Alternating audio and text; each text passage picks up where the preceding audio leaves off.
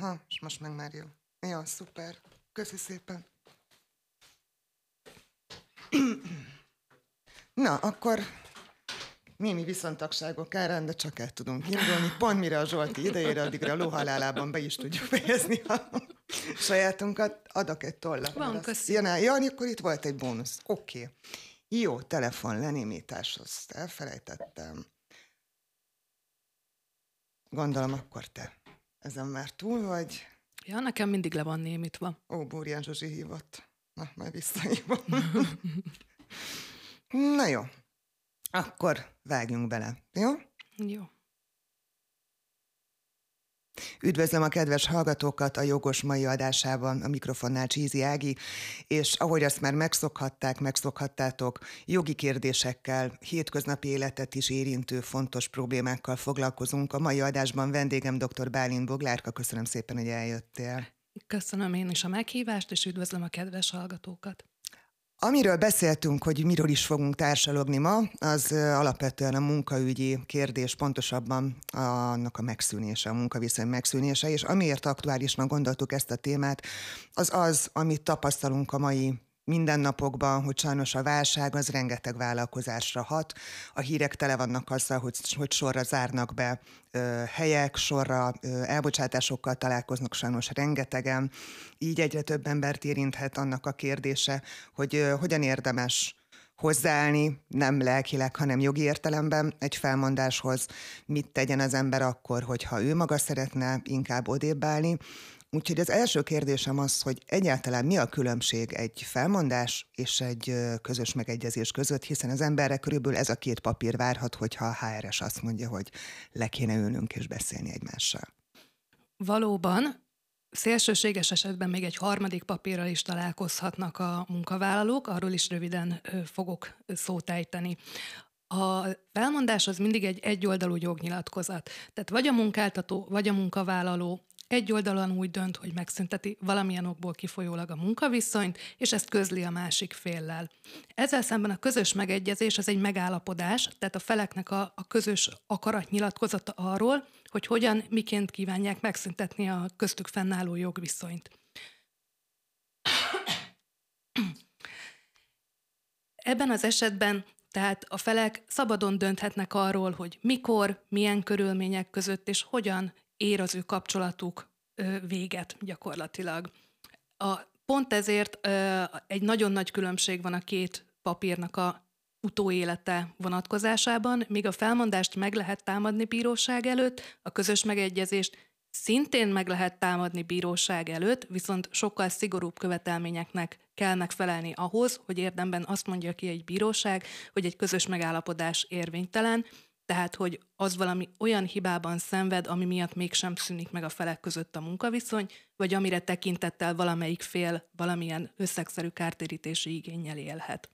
Hogyha nagyon nyersen gondolok bele, akkor végül is ez a ez a, ez a szándék áll többnyire a mögött, nem? Hogy egy munkáltató a közös megegyezést preferálja. Tehát az esetek többségében, hogyha ha a munkáltató szeretné azt, hogy megszűnjön a közös munka, akkor is inkább egy közös megegyezést igyekszik az emberrel aláíratni, akkor ezek szerint ennek ez áll a hátterében, hogy védje magát tulajdonképpen? Pontosan, pontosan ez a legnagyobb hajtóerő a munkáltatók oldaláról, ezért igen gyakori az, hogy behívják a munkavállalót a HR irodába, és két papírt tesznek elé, egy közös megegyezést és egy felmondást, és azt mondják, hogy ők békében szeretnének elválni, ezért közös megegyezéssel szüntessük meg a munkaviszonyt, de hogyha nem írja alá a munkavállaló, akkor ott van a felmondás, és akkor azt mint egy egyoldalú nyilatkozatot közlik vele, hogy akkor viszont ez van.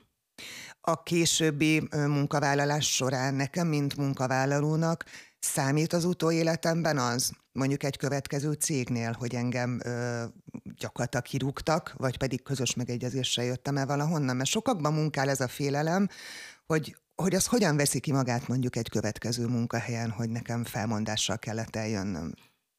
Nincs igazándiból jelentősége a későbbi munkahelyek tekintetében. erről az új munkáltató is igazándiból akkor szerez tudomást, amikor a belépésnél ugye a munkavállaló viszi magával az előző helyről kapott kilépő papírjait. Az az egyetlen, amin szerepel a megszüntetés jogcíme, de sok esetben ott is csak annyi szerepel, hogy felmondás, és nem az, hogy munkáltatói vagy munkavállalói felmondás.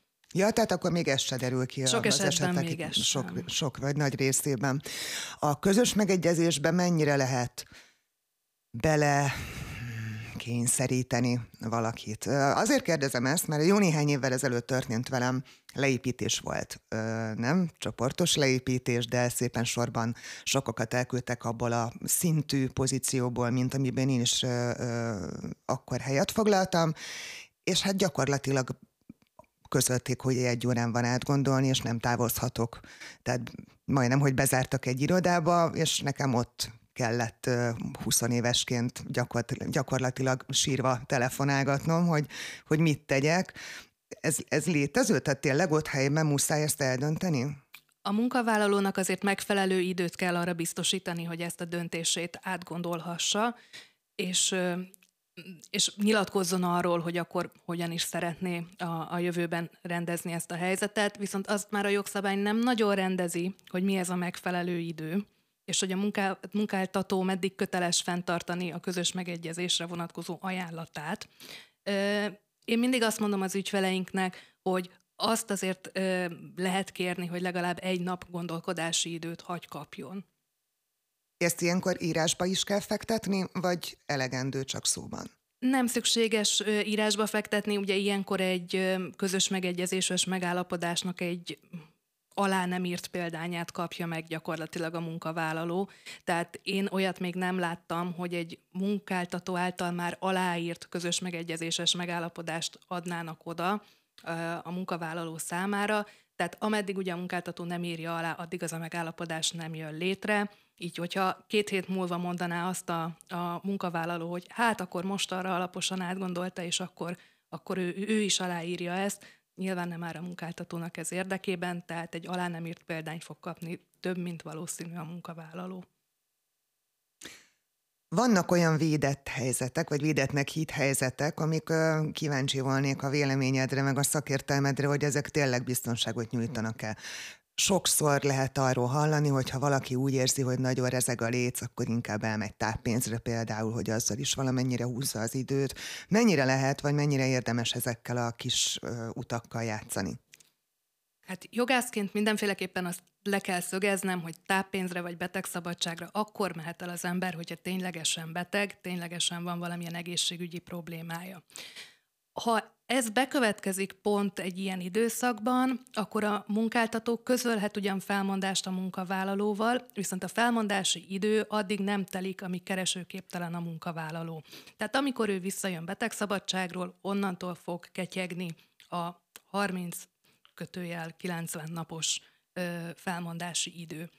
Ö, de felmondani is csak akkor lehet neki, amikor már visszajött betegállományból, nem? nem? Azt lehet közben Nem, is? a felmondást azt, azt oda lehet adni. Tehát azt lehet közölni a munkavállalóval akkor is, amikor ő, ő betegszabadságon vagy táppénzen van, praktikus mm, úton, módon, mondjuk postai ö, ajánlott értévevényes levélben.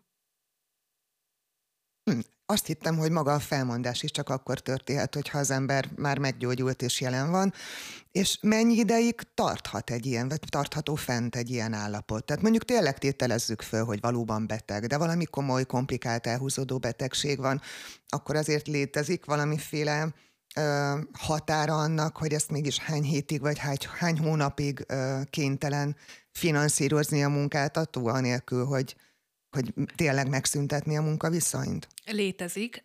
Elég hosszú időig el lehet így húzni úgymond a, a munkaviszony megszüntetését. A jogszabály azt mondja ki ugyanis, hogy a betegszabadság megszűnésétől számított legfeljebb egy év az az időszak, amíg nem ketyeg a felmondási idő. A betegszabadságot pedig azért hangsúlyoztam így ki, mert ugye amikor az ember keresőképtelen, tehát egészségügyi jogból nem tud munkát végezni, akkor az első 15 napot betegszabadságnak hívjuk, és a táppénzes időszak utána indul. Tehát a 15 nap plusz egy év. Kicsit közelítsük meg viszont a munkáltatói oldalról is a dolgot.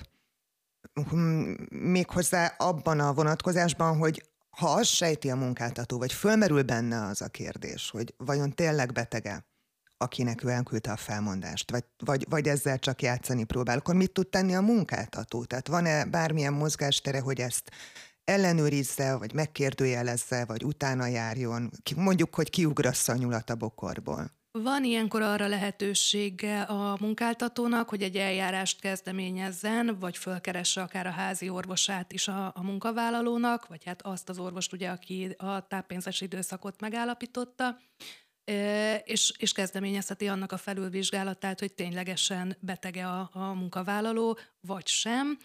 Ugye, hogyha meg kiderül az, hogy, hogy, hogy valójában nem beteg a munkavállaló, csak összejátszott mondjuk a házi orvossal, annak pedig már azért büntető jogi következményei uh-huh. is lehetnek. Tehát erre nem érdemes a munkavállalóknak appellálniuk. Milyen, tehát hogyan derülhet ki, vagy hogyan történik egy ilyen felülvizsgálat? Vagy kivizsgálás? Ez egy, ez egy szakmai, ez egy orvos szakmai felülvizsgálat a kormányhivatal bevonásával, független orvosszakértők tudják megállapítani, akár a munkavállalónak a megvizsgálásával, orvosi szempontú megvizsgálásával azt, hogy ténylegesen fönnáll-e valamilyen betegség, vagy sem. Ugye azt említetted, hogy számít a felmondás akkor is, hogyha az ember éppen betegállományban van, kiküldik mondjuk sima ajánlott levélként, vagy tértivevényes levélként, hogy van-e ennek valamilyen kötelező küldemény formája? Olyan értelemben nincs kötelező küldemény formája, hogy jogszabály nem írja elő ezt, hogy ajánlott értővevényes levélben kell kiküldeni, de a későbbi bizonyíthatóság érdekében így célszerű a munkáltatónak kiküldeni a felmondást, hiszen a tértővevény lesz az, amivel tudja ő azt igazolni, hogy mikor vette át a munkavállaló, hogy ténylegesen a munkavállaló vette át, vagy valamelyik olyan hozzátartozója, aki ugye a postai küldeményeit hivatalosan átveheti, és az, az tényleg volt lehetősége a munkavállalónak megismernie. És ha nem vette át? Akkor a törvényi vélelmek ö, fognak előtérbe helyeződni. Ö, ugye a kézbesítésre szigorú ö, törvényi szabályok vannak, hogyha nem kereste jelzéssel érkezik vissza a levél, akkor a második kézbesítés megkísérlését követő ötödik munkanapon akkor is kézbesítettnek fog minősülni, hogyha nem vette át a mhm. munkavállaló. Uh-huh. Ha pedig megtagadja az átvételt, mert ugye arra is van lehetőség, akkor pedig azon a napon, amikor ő ezt megtagadta, akkor úgy kell tekinteni, mintha azt vele közölték volna. Kicsit visszakanyarodva a személyes felmondásra, ugye azt mondtad, hogy végül is vagy a közös megegyezést, vagy a felmondást írják végül is alá a felek. Mi van, hogyha én azt mondom, hogy már pedig egyiket sem írom alá? Tehát, hogy nem fogadom el. Lehet ilyen? Van ennek egyáltalán bármi értelme? Ha a közös megegyezést nem írom alá, akkor nem jön létre a munkáltató és, a, és köztem, mint munkavállaló uh-huh. között a megegyezés. A felmondást azt igazándiból, a, tehát a felmondás esetén a maga az aláírás a legtöbb esetben csak azt igazolja, hogy, hogy a munkavállaló azt a papírt átvette. Arra kell esetleg figyelni ilyenkor, hogy olyan ne szerepeljen a felmondásban, ami arról szól, hogy a munkavállaló minden további igényéről lemond. Tehát ezért érdemes nagyon alaposan elolvasni magát a felmondást is, és semmilyen olyan nyilatkozatot nem aláírni, amivel ő jogáról mondana le, jövőbeli jogáról. Mi az, amire egy felmondás leírás akkor fontos odafigyelni ö, szakértő szemével? Tehát akkor egyrészt ez, hogy ezekről a leendő jogokról nem mondjon le az ember. Így van. A másik, hogy tartalmaz-e jogorvoslati kioktatást. A munkáltatói felmondásoknak ugyanis tartalmazniuk kell egy olyan részt, amiben azt írja le a munkáltató, hogy amennyiben a felmondással ő, a munkavállaló nem ért egyet, akkor 30 napon belül melyik bírósághoz fordulhat, és, és kérheti, hogy a, a munkaügyi bíróság vizsgálja meg ezt a felmondást. Ugye ezt praktikusan egy keresetlevéllel tudja a munkavállaló megtenni. Azonban, hogyha ilyen kioktatást nem tartalmaz a felmondás, akkor ez a 30 nap egyből nem 30 nap, hanem 6 hónap, ah.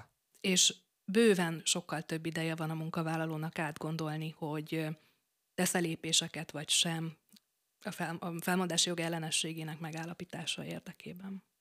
Mi van, hogyha ha ott szerepel ez, de mégis kicsúszik a 30 napból, és azért csúszik ki, mert most próbálok rögtönözni valamilyen helyzetet, nem gondolt bele abba, hogy szabálytalanság történt a felmondása kapcsán, de aztán egy kollégája, akit pár héttel később szintén kirúgtak, ő fölhívta a figyelmét, hogy tehát hiszem minket ilyen és ilyen és ilyen okokból nem szabadott volna. Tehát a 30 nap az mennyire kőbevésett? Utána akkor néma csöndben kell maradni, nincs esély semmire? Az kőbevésett. Aha. Tehát az, az egy nagyon szigorú határidő, főként, hogy a jelenlegi jogszabályaink alapján ugyanerre a munkáltatónak fordított esetben három éve van.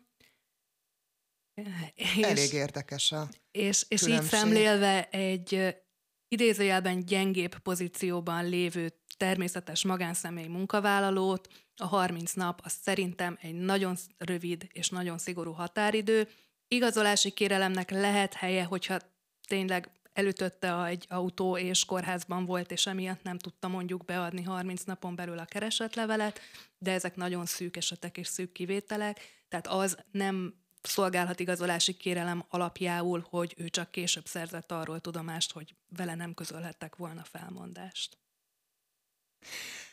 Mi az, amire még ezen? Erre még szeretnék majd visszatérni egyébként, hogy, hogy, hogy mit lehet tenni, illetve hogyha az ember tenni szeretne, akkor annak milyen lépései vannak. De mi az, amire még érdemes odafigyelni egy felmondás esetén, mert ugye itt kicsit félbeszakítottalak. Az előbb említett két, két ö, tárgyon vagy ügykörön ö, kívül igazándiból tényleg azt tudom hangsúlyozni, hogy el kell olvasni, hogy, hogy ö, mi van leírva arra a papírra, ö, kell arra figyelni, hogy abból nekünk is legyen egy példány, tehát nekünk, mint munkavállalóknak legyen belőle egy, egy példányunk, ne csak a munkáltatónál maradjon egy aláírt példány, ö, illetve hát nyilván miután az ember ezt, ezt készhez veszi, azt kell átgondolni, hogy az abban szereplő indokok mennyire világosan vannak megfogalmazva, mennyire valósak, amit oda a munkáltató leír, és harmad sorban pedig, de ebben már nekünk jogászoknak kell állást foglalni, hogy mennyire alapoz meg az egy felmondást, amit ott a munkáltató indoklásként leír.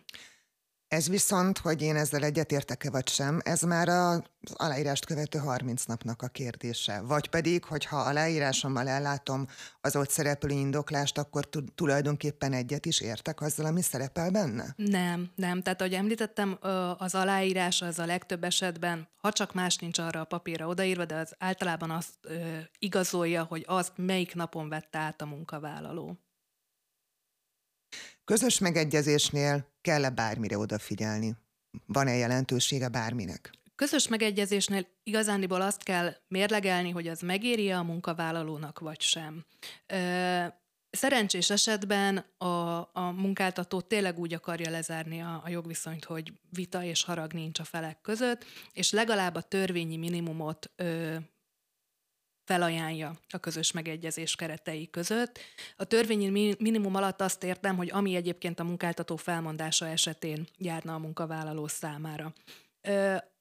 Érdemes pontosan ezért tisztában lenni minden munkavállalónak azzal, hogyha a mai napon nekem, neki fölmondaná, fölmondaná a munkáltatója, akkor mi az, ami törvény alapján járna neki? Hány nap felmondási idő, milyen összegű végkielégítés, és mindig ezekből a számokból kiindulni, hogy ennél többet, vagy legalább ennyit felajánlanak a közös megegyezés során, akkor van olyan élethelyzet, hogy, hogy érdemes elfogadni a közös megegyezést, és nem firtatni a továbbiakat. Ha viszont még ennyi sem szerepel benne, akkor igazándiból nem áll a munkavállalónak érdekében az, hogy a közös megegyezést aláírja. Hát jó, az Amparaszi észre, ahogy végigmondtad, tulajdonképpen, hogyha csak a törvényi minimum szerepel benne, akkor, akkor azzal, hogyha a közös megegyezést, megegyezést írom alá, akkor elvágom magam annak a lehetőségétől, hogy esetleg jogorvoslathoz nyúljak ez pontosan így van, de biztos, hogy ha még ugye felmondási időt közbeiktatnak a felek, akkor abban az időszakban viszonylag békés lesz a egymás melletti együttélés a munkáltató és a munkavállaló számára. Még egy felmondás esetén azért adódhatnak nehéz élethelyzetek. Tehát van ennek egy, egy olyan lelki oldala, amit kénytelenek vagyunk ö, figyelembe venni, nem, nem csak szintisztán a jogszabályokból kiindulni. Dr. Bálint Boglárkával a felmondásról, munkaviszony megszüntetéséről beszélgetünk a mai adásban, és pár perccel ezelőtt már szóba jött, hogy ha valaki nem ért egyet a felmondásával, akkor bizony nagyon szigorú, hogy 30 napja van ezzel kapcsolatban a megfelelő lépéseket megtenni. elkezdeni vitatni, vagy jogorvoslathoz nyúlni, a jogorvoslatért fordulnia. Mi a teendőm? Tehát 30 napon belül vagyok még, tegnap előtt átvettem a felmondásomat, úgy vélem, hogy az indoklás nem állja meg a helyét. Mit kell tennem, mik a következő lépések? Hát következő lépésnek ö, a bíróságon egy keresetlevelet kell előterjesztenie a munkavállalónak. Ö, bonyolultabb esetekben ehhez célszerű ügyvéd segítségét is kérni, mert napjainkban azért mert nem olyan egyszerű a magyar bíróságokon való pereskedés, illetve ügyvédi segítséggel nagyon sok felmerülő problémát, hiányosságot ki lehet küszöbölni. De egyébként a munkavállalóknak, meg egyébként minden magánszemélynek van arra lehetősége, hogy a bíróságon ügyfélfogadási időben, úgynevezett ügyfélsegítő napon megjelenjen, és ott a bíróságon a bírósági alkalmazottak segítenek neki, vagy egy vagy formanyomtatvány formájában előterjeszteni a keresetlevelet, vagy pedig jegyzőkönyvbe venni az ő kérését, és az alapján elindítani egy bírósági peres peres eljárást. Gondolom nem egy-két ilyen ügyed volt már, és ezért feltételezem, hogy tudsz olyan helyzeteket mondani, hogy mik tekinthetők tipikusnak, tehát mik azok, amik viszonylag gyakran fordulnak elő, mint valódi, jogosan kifogásolható jelenség a munkáltatói felmondás kapcsán. Leggyakrabban talán azzal van a probléma, hogy nem okszerű az, amit a munkáltató megjelöl a felmondási indoklásában. Három követelménynek kell egy indoklásnak megfelelnie. Az egyik az az, hogy valódinak kell lennie, olyan azért nem nagyon fordul elő, hogy a munkáltató olyan indokokat ír bele a felmondásba, amik meg sem valósultak. A második az, hogy világosnak kell lennie, ez azt jelenti, hogy egyértelműen abból a dokumentumból meg kell tudnia a munkavállalónak, hogy mi miatt mondják fel az ő munkaviszonyát. Harmadsorban pedig okszerűnek kell lennie, tehát a hivatkozott indoknak kellően komolynak kell lennie, kellően megalapozottnak.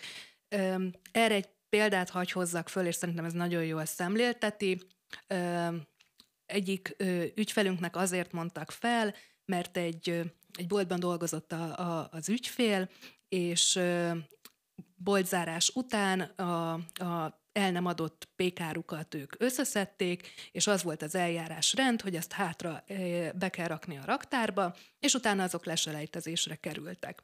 Ezeket a pékárukat egyébként zárás előtt fél órával már 50%-os áron értékesítették, tehát gyakorlatilag az hulladéknak volt tekintendő, amit ugye a nap végén összeszedtek. És ö, ügyfelünk így járt el, összeszedte a péksüteményt, majd a raktár felé menve hátrafelé egy pogácsát kivett azok közül, és megkínálta az egyik kollégáját is.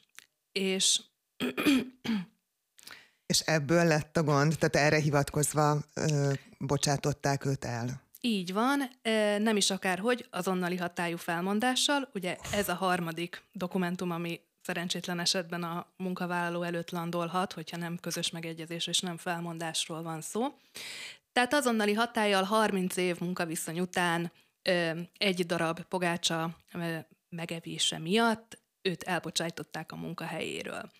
Ö, Ugye az lett volna a megfelelő eljárásmód, hogy ő azt leméri, odaviszi a kasszához, kifizetés, utána megeszi, na most ez elmaradt jelen esetben. Két, két fokon is, is járt ez a történet. Az első fok azt mondta ki, hogy teljesen mindegy, hogy egy darab pogácsa, vagy sem, nem az eljárásrendnek megfelelően járt el az ügyfelünk, és ezért az ő keresetét elutasította a bíróság. Uh-huh. Másodfokon viszont azért azt vizsgálták, hogy itt csak egy 30 éves munkaviszonyról van szó, és azért egy darab pogácsa elfogyasztása, aminek egyébként kiszámoltuk az értékét, ha jól emlékszem, ilyen 18 forint körülre jött ki, tehát, hogy ez, ez nem kellően komoly indok a, a munkáltató részéről, hogy egyből azonnali hatályú felmondást közöljön. Tehát alkalmazhatott volna enyhébb szankciókat is, például egy írásbeli figyelmeztetést, vagy, vagy egy szóbeli figyelmeztetést, de nem annak kellett volna lenni az első lépésnek, hogy azonnali hatállyal elbocsátják őt. Figyelmeztetést, hogyha már kimondtad a rendes felmondás, tehát nem az azonnali hatályúra gondolok, arra, arra majd kicsit később szeretném, hogyha szót ejtenénk. Egy rendes felmondásnak kell, hogy legyen az előéletében írásbeli vagy szóbeli figyelmeztetés? Nem szükségszerű. Tehát ezeket, hogy szóbeli figyelmeztetés, írásbeli figyelmeztetés, ezeket hátrányos jogkövetkezményekenek hívjuk. Ezt a munkáltató alkalmazhatja a cégén belül, de nem köteles rá. Tehát akár egy olyan alkalom is ö, megalapozhatja a felmondás, ami kellően komoly ahhoz, hogy, ö, hogy ez megállja a helyét. Tehát mondjuk megbeszéltük a főnökömmel akkor, amikor a munkaviszonyom elkezdődött, hogy minden hétfőn délután négy óráig fogok elküldeni egy jelentést, de én rendre, vagy legalábbis gyakran négy óra helyett fél ötkor, vagy ötkor, vagy hatkor küldöm el, de soha nem jelezte, hogy ez probléma lenne, akkor ő egyszer csak mondhatja egy év után azt, hogy megállás nélkül négy óra után küldted el, ezért felmondom a szerződésünket? Ha volt arra utaló megállapodás köztetek, hogy négy óráig minden hétfőn elküldöd, akkor igen. Uh-huh. Mi a különbség az azonnali hatályú felmondás és a rendes felmondás között? Rendes felmondás esetén számolhatunk felmondási idővel, ez minimum 30 nap. Azonnali hatályú felmondás esetén viszont ilyen nincs, tehát ott, ahogy közlik, azon a napon megszűnik a munkavállalónak a munkaviszonya. Nagy különbség pedig abban is van, hogy azonnali hatályú felmondás esetén nem jár végkielégítés a munkavállalónak, míg rendes felmondás esetén, ha legalább három éve ott dolgozik a munkáltatónál, akkor jár. Ennek viszont, ha jól sejtem, tényleg megalapozottnak, vagy, vagy megfelelő súlyúnak kell lennie. Így van, tehát azonnali hatályú felmondást akkor közölhet akár a munkáltató, akár a munkavállaló, hogyha a másik fél olyan lényeges szegést követett el, ami, ami már valóban egy, egy, egy olyan dolog, ami miatt nem lehet tovább folytatni ezt a viszonyt. Fontos, hogy lényeges kötelezettségszegést kell elkövetni, és szándékosan vagy súlyos gondatlansággal lehet ezt a kötelezettségszegést elkövetni. Tehát, hogyha abszolút vétlen a, a munkavállaló, akkor nyilván ez, ez föl sem merülhet. Illetve van még egy olyan eset, hogyha öm, a másik fél olyan magatartást tanúsít, ami egyébként a munkaviszony fenntartását lehetetlenné teszi a felek számára, ide tartozik például, vagy ide tartozhat például az az eset, amikor a, a munkavállaló nagy közönség előtt hangosan szídja a munkáltatóját. Uh-huh. Ezeket kell tudni bizonyítani is? Természetesen, tehát ö, ilyenkor ugye, hogyha ha például egy azonnali hatályú felmondást támad meg a, a munkavállaló, akkor ö, a munkáltatónak kell azt bizonyítania, hogy ez a kötelezettségszegés megvalósult, és, és hogy az olyan volt, ami a jogszabály alapján ö, lehetővé teszi azt számára, hogy azonnali hatályú felmondást közöljön. Szerencsére viszont fordítva is van lehetőség az onnani hatályú felmondásra, tehát én, mint munkavállaló is dönthetek így. A bizonyításra azért kérdeztem rá, mert megint csak játszunk el egy képzeletbeli szituációval, hála Istennek nem voltam ilyen helyzetben, ne is legyek, de a, a főnököm olyan megengedhetetlen agresszióval ö, ö, viselkedett velem a zárt irodajtók mögött, olyan hangnemet ütött meg, vagy olyan, olyan személyeskedésbe torkolt egy vita, ami úgy gondolom, hogy nem, nem fenntartható ezáltal tovább a mi közös munkaviszonyunk. Én azon hatályú felmondással szeretnék távozni, de azért ez akkor mégsem olyan egyszerű, hiszen ezt nem tudom bizonyítani. Így van, tehát ugye ebben a példában a munkavállalónak kell azt bizonyítani, hogy mi zajlott le ott a, a négy fal között, mi, milyen nagyon-nagyon durva kijelentések hangoztak el, és, és ebből levezetni gyakorlatilag, hogy miért lehetetlen számára a munkaviszony további fenntartása. A másik tipikus, amikor a munkavállaló azonnali hatályú felmondással élhet, az a munkabérnek a ki nem fizetése. Tehát, hogyha legalább két hónapi munkabér elmaradásban van a, a munkáltató, akkor szoktuk azt mondani, hogy ez már megállja a helyét, hogy, hogy azonnali hatállyal felmondjon a munkavállaló, és eljöjjön a munkahelyéről. Kettő hónap azért nagyon hosszú idő, addig nem tud semmit tenni igazán?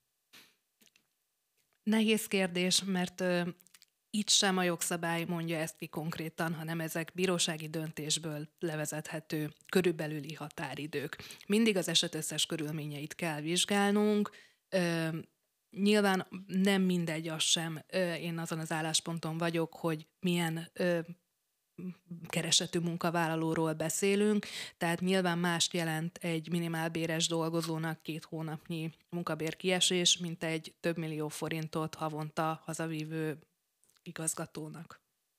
Ilyen szempontból van jelentősége egyéb juttatásoknak is, vagy azok elmaradásának? Tehát megkapom a fizetésemet, viszont viszont annyira egyik napról a másikra élek, hogy nekem a mindennapi megélhetésemhez szükség van mondjuk a kiegészítésként szép kártyára érkező összegnek is, ami ugyanakkor nem érkezik meg most már két hónapja. Vagy annak, annak azzal nem tudok mit kezdeni. Őszinte leszek, olyat még nem láttam, hogy ilyen indokra hivatkozással azonnali hatállyal felmondott volna munkavállaló. Ezek a béren kívüli juttatások, ezek adható uh-huh. juttatások, de hogyha szerződésben nem kötelezi a munkáltató magát arra, hogy ezeket ő folyamatosan minden hónapban nyújtsa, akkor ez számon nem nagyon számon kérhető rajta. Egy, egy tehát most ezt ki fogom vágni, mert nem tudom, hogyan kanyarodjuk, nehogy elfelejtsem kivágni. Tehát kicsit igen, ugye azt, azt mondtad, hogy az azonnali hatályú felmondásnál mindig annak kell bizonyítania, annak kell az okot alátámasztania, vagy ennek az indokoltságát, aki az azonnali hatályú felmondást a másiknak átadja, odaadja, megmondja, és így tovább. Egyáltalán mi a formája az azonnali hatályú felmondásnak? Azt is írásba kell foglalni, vagy, vagy, vagy elég egy e-mailt küldeni? Vagy mi, mit kell tennie mondjuk a munkavállalónak, hogyha ilyen helyzetben találja magát? Mire figyeljen oda? Így van, tehát felmondás és az azonnali hatályú felmondás az ugyanúgy viselkedik ebből a szempontból. Tehát mind a kettőt írásba kell foglalni, és az e-mailes közlés főszabály szerint, megint ezt kell mondanom, de főszabály szerint az e-mailes közlés nem minősül írásbeli közlésnek. Tehát papíralapon aláírásával ellátva kell a feleknek ezt egymásnak átnyújtaniuk. Ez akkor a rendes felmondása is igaz, tehát ha én, mint munkavállaló mondok föl, legyen szó akár rendes felmondásról, akár azonnali hatályú felmondásról, mindenféleképpen ezt egy kinyomtatott formában aláírt módon kell átadnom személyesen mondjuk a, a főnökömnek vagy a munkáltatómnak? Én ezt javaslom, igen, ez a célszerű ö, formája egy felmondás közlésének. Más kérdés, hogyha egyébként nem születik erről írásbeli dokumentum, csak én telefonon közlöm a főnökömmel, hogy én még 30 napig vagyok, és utána nem jövök be többet dolgozni, ő meg erre azt mondja, hogy jó rendben tudomásul vettem, letelik a 30 nap, és ő kijelent engem a cégtől, akkor gyakorlatilag ráutaló magatartással a felek megszüntették a jogviszonyt. Viszont, hogyha nem jelent ki a cégtől, akkor utólag nekem már nagyon nehéz lesz azt mondanom, hogy hát de megállapodtunk ebben egy hónappal ezelőtt. Így van, nem fogja tudni bizonyítani a munkavállaló, hogy mi hangzott el azon a telefonbeszélgetésen.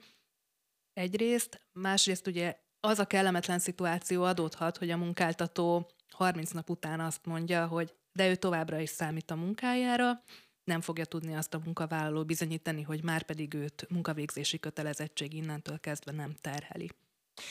Az ilyen típusú telefonbeszélgetések rögzítése az nem felhasználható, ugye? Hogyha a másik felet is tájékoztatja arról, hogy rögzíti a, a telefonbeszélgetést, akkor minden további nélkül felhasználható. Ellenkező esetben személyiségi jogokat sért egy uh-huh. ilyen felvételnek az elkészítése. Az e-mail az pedig szintén nem elegendő, vagy nem elég biztonságos? Mi a probléma az e-mail Főleg így a home office világában van ennek szerintem igazán nagy jelentősége, amikor rengeteg irodában szinte alig-alig találkoznak egymással főnök beosztott viszonyban levő emberek. Az e-mailes közlésről jelenleg az az álláspont, hogy kétséget kizáróan nem bizonyítja a küldő és a fogadó személyét, illetve a küldés időpontját, közlés időpontját. Ugye nem lehet az bizonyítani, hogy a másik fél megnyitotta azt az e-mailt, vagy hát technikailag most már lehet ugye ilyen kézbesítési visszajelzést kérni, illetve ugye ezen túlmenően a bíróságoknak az a legnagyobb problémájuk vele, hogy egy sima képszerkesztő programmal aztán én az e-mailnek a tartalmát azt meg tudom változtatni, hogyha nagyon szeretném. Tehát a közlés változatlan valójában történő visszaidézésre nem feltétlenül alkalmas. Ilyen esetben is ugyanaz, mint az előbbi telefonos példánál, hogy lehet, hogy az én munkáltatómnak pont elég, hogy én ezt e-mailben közlöm vele, csak később felmerülhetnek problémák. Tehát ezért célszerű, hogyha még van is egy, egy informális telefonos vagy, vagy e-mailes levelezés, megbeszélés egy ilyen témakörben, utána azért célszerű minden esetben írásban is rögzíteni. Már, már váltottunk néhány mondatot arról, hogy mit kell tenni, hogyha az ember úgy érzi, hogy igazságtalanul vagy nem jogszerűen bocsátották őt el az állásából. Arról viszont még eddig nem volt szó, hogy milyen folyamata van ennek, milyen lépések következnek azután, hogy az ember elindította ezt az egészet. Az a gyanúm, és valószínűleg ebben neked biztos, hogy nem valószínű, biztos, hogy jó van, nagyobb tapasztalatod van, sokan azért nem indulnak el ezen az úton, mert, mert úgy vélik, hogy nem éri meg. Nem éri meg a vesződtség, az idő, a belefektetett energia. Nagyjából tényleg mi a reális időtartamban, költségben, vagy ez teljesen hatalmas szórással változó? Hatalmas szórással változó. Tehát egyáltalán nem mindegy, hogy, hogy, hogy mennyire megalapozott a munkavállalónak a keresete sértheti valami az igazságérzetünket, az nem biztos, hogy azt jelenti, hogy jogi szempontból nekünk van igazunk. Sok múlhat azon, hogy mit mivel tudunk bizonyítani a saját igazunkból. Hány tanúnak a meghallgatására lehet szükség egy peres eljárás során? A munkáltató időközben úgy dönte, hogy ő sem akar ezzel vesződni, és inkább valami perbeli egyességet szeretne kötni, amivel lezárható az egész jogvita. Tehát az a, tehát gyakorlatilag nem lehet egy, egy időintervallumot mondani, hogy három éven belül biztosan lezáródik egy ilyen peres eljárás, meg azt se lehet mondani, hogy fél évig nem fog benne történni semmi. Akkor a tanúk, ők kollégák többnyire, ugye?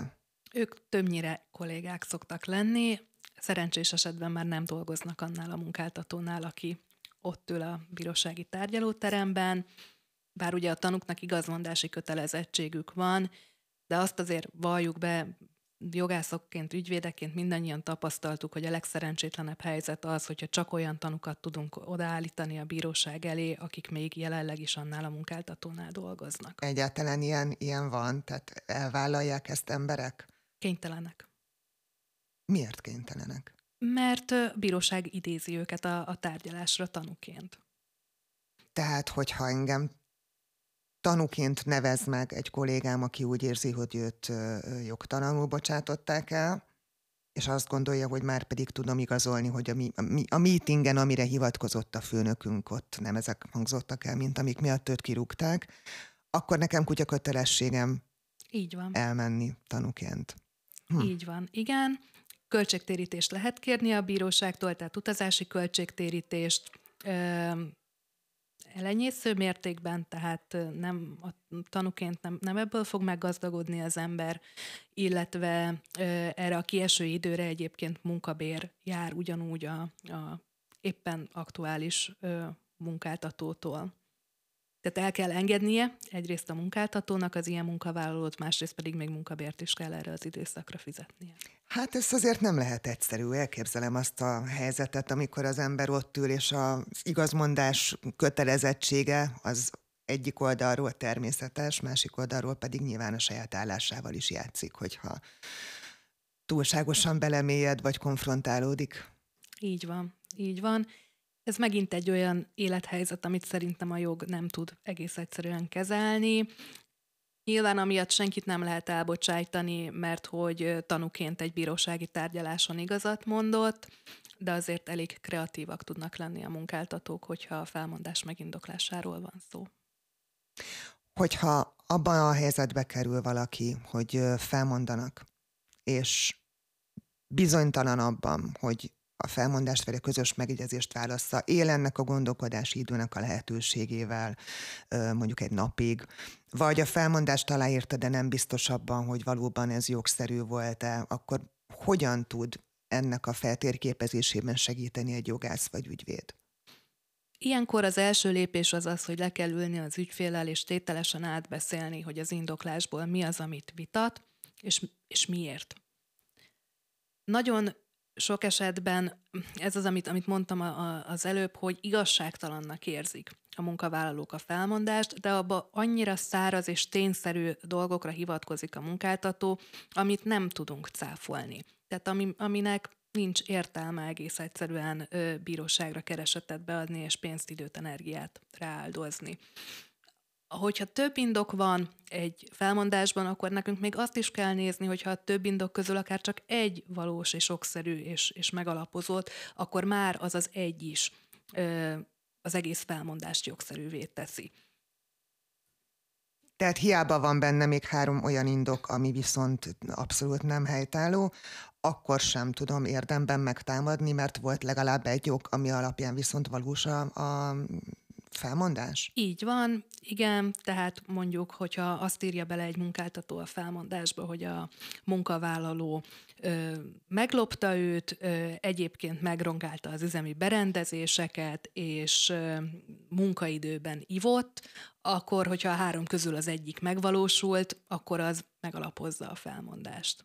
És akkor azzal már nincs mit kezdeni, hogy szerepelt még kettő másikok. Így van, ami egyébként lehet, hogy nem is történt meg a valóságban.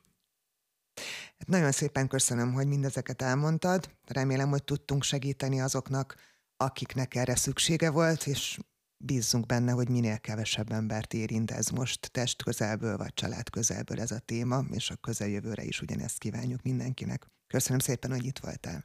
Köszönöm én is a lehetőséget.